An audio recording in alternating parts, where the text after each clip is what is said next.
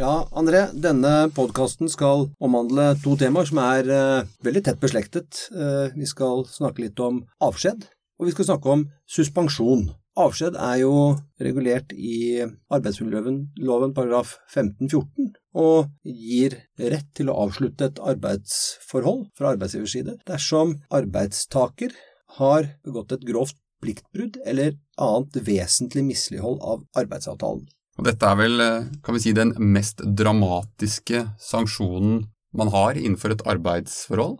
Her snakker vi om å frata noen jobben med øyeblikkelig virkning, og vilkårene er deretter. Det er eh, et meget inngripende tiltak, og terskelen for å gjennomføre en avskjed er høy. Det kan jo sammenlignes litt med heving i obligasjonsretten, hvor man hever en eh, avtale eh, med umiddelbar virkning. Det er klart at for en arbeidstaker så er det jo dramatisk å ikke ha lønn i oppsigelsestid, ikke ha de vanlige tre månedene på å områ seg på for å finne nytt arbeid osv. Her, her går øksa, bang, og så er ansettelsesforholdet avsluttet. Og da gjelder, det gjelder plikten til å betale lønn, pensjon, forsikringer og alle de tingene som hører med i ansettelsesforholdet. Og så er det stigmatiserende. Det er for veldig mange mennesker helt uh, pyton å ha en avskjed på CV-en, og vil for mange være noe som uh, kan være til hinder for å skaffe seg jobb senere. Så dette er et, kan du si, et våpen i arbeidsgivers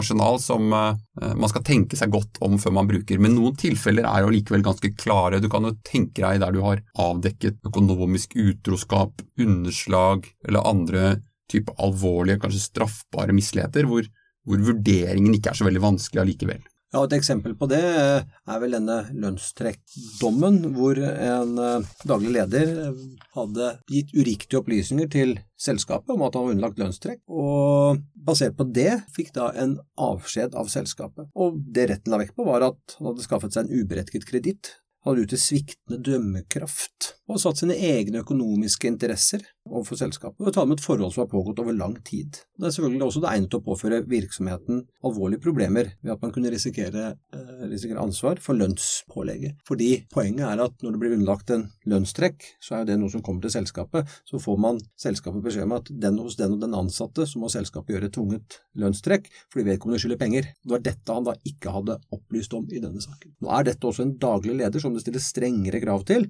men dommen er likevel relevant for å si noe om terskelen for en avskjed. Så ser vi også det at i ganske mange arbeidsforhold så finnes det i arbeidsavtalen, eller kanskje i personalreglement, stillingsreglement eller instrukser, regler som sier noe om hvilken type enkeltforhold som kan lede til avskjed. Du kan gjerne se dette i offshore eller eh, shipping eller andre ting, hvor si, kravene til aktsomhet når man uh, jobber i risikoutsatte områder, det handler f.eks. om dette med rus eller annen type atferd som man kanskje Jeg vil ikke si at rus er noe man setter lempeligere på på land, men iallfall i enkelte sammenhenger så er det en nulltoleranse for en viss type atferd, og hvis dette er klart kommunisert gjennom instrukser eller på annen måte, så skal det mindre til. Arbeidstakerne er blitt gjort oppmerksom på at dette her får dramatiske konsekvenser for deg i dette arbeidsforholdet. Der har man jo også eksempler fra, fra rettspraksis. og eh, En avgjørelse på det var en såkalt vekterdommen, hvor en vekter hadde transportert betydelige pengebeløp uten å følge de instruksene som var pålagt.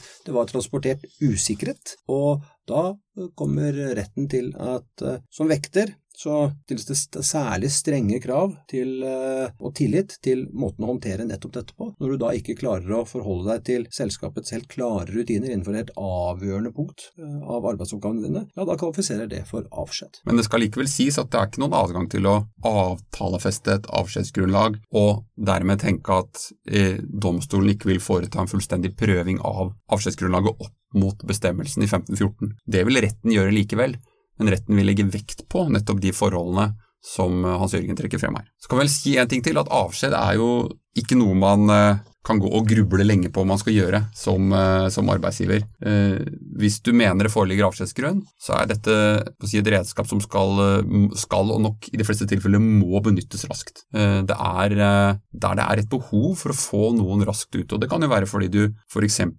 har sterk mistanke om at noen stjeler fra kassa, at noen rapper med seg forretningskritisk informasjon eller forretningshemmeligheter, og du er nødt til å på mange måter sette en stopp for den aktiviteten som, eh, som, du mener kan være til skade for virksomheten. Eller det er viktig å nær sagt statuere et eksempel hvis det er et et, et sånn åpenbart og veldig grovt tilfelle som sier at dette aksepterer vi ikke på arbeidsplass, her er det, og her må det være rett ut som er konsekvensen. Og Det er jo også grunnen til at når det gjelder saksbehandlingsreglene ved en, eh, ved en eh, avskjed, så stilles nok ikke like strenge krav til det som det gjør ved en oppsigelse. Og Det er jo fordi at i en del tilfeller så er, er, er, man, man, er man, nødt til å agere meget, eh, meget, raskt. Men det er klart at også her er det viktig å ha en god saksbehandling. Og hvis arbeidsgiver kommer i en situasjon hvor man har fått en mistanke mot en arbeidstaker, så har man jo da suspensjon, som vi kommer til, som et virkemiddel for å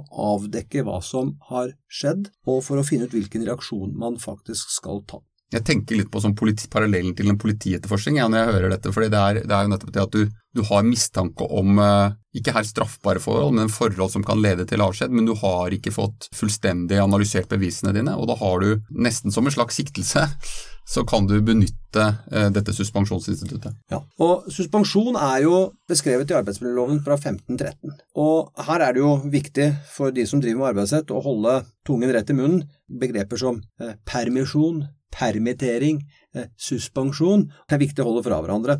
Suspensjon er altså et midlertidig, midlertidig suspensjon av ansettelsesforholdet, som innebærer at arbeidstaker i en periode ikke har rett til å utføre arbeid, men vedkommende vil motta lønn i denne perioden. Og her er det to vilkår, André. Ja, det må foreligge grunn til å anta at arbeidstaker har gjort seg skyldig i forhold som kan medføre avskjed. Altså ikke oppsigelse, men avskjed. Og det er eh, slik at virksomhetens behov må tilsi at vedkommende fratrer mens saken undersøkes nærmere. Og dette grunn til å anta-begrepet det er jo ikke, et, det, ikke det strafferettslige skjellige grunn til mistanke vi er på, men, eh, da, men det har jo likevel vært, vært diskutert både i forhold til suspensjon og avskjedsgrunn om bevisterskelen er høyere enn normal sannsynlighetsovervekt. Men, eh, men, i prinsippet så er det vel sannsynlighetsovervekt vi snakker om her, er det ikke det, Hans Jørgen? Jo, når det gjelder, eh, når det, gjelder en, det å gå til en avskjed, mm. så vil det i mange tilfeller være snakk om en sannsynlighetsovervekt for beviskravet for det. Men ved svært krenkende eller svært uh, inkriminerende forhold, forhold som f.eks. at uh, en ansatt er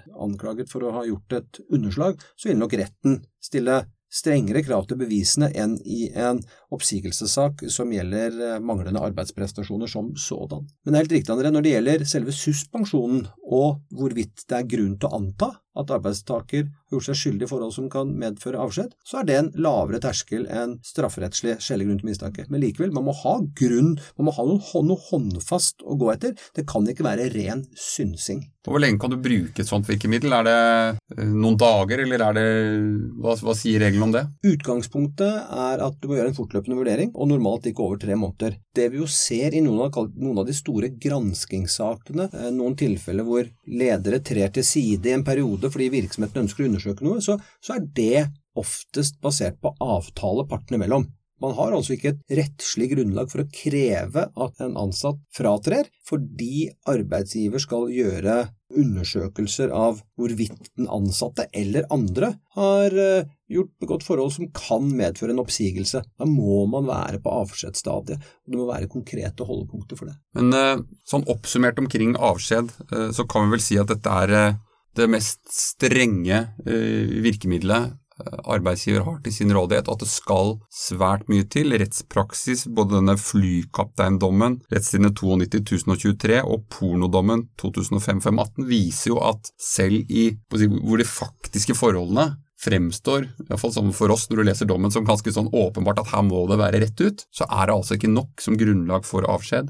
Eh, og i noen av disse sakene så har jo domstolene valgt å si at det var tilstrekkelig som oppsigelsesgrunn, mens i andre saker, denne pornodommen, så har man jo kommet til at det heller ikke var tilstrekkelig som oppsigelsesgrunn. Så det viser jo at det stilles strenge krav til arbeidsgivers bevisføring, og at det skal mye til for å benytte avskjed, iallfall i tilfeller hvor man kunne oppnådd det samme i det vesentlige gjennom en oppsigelse.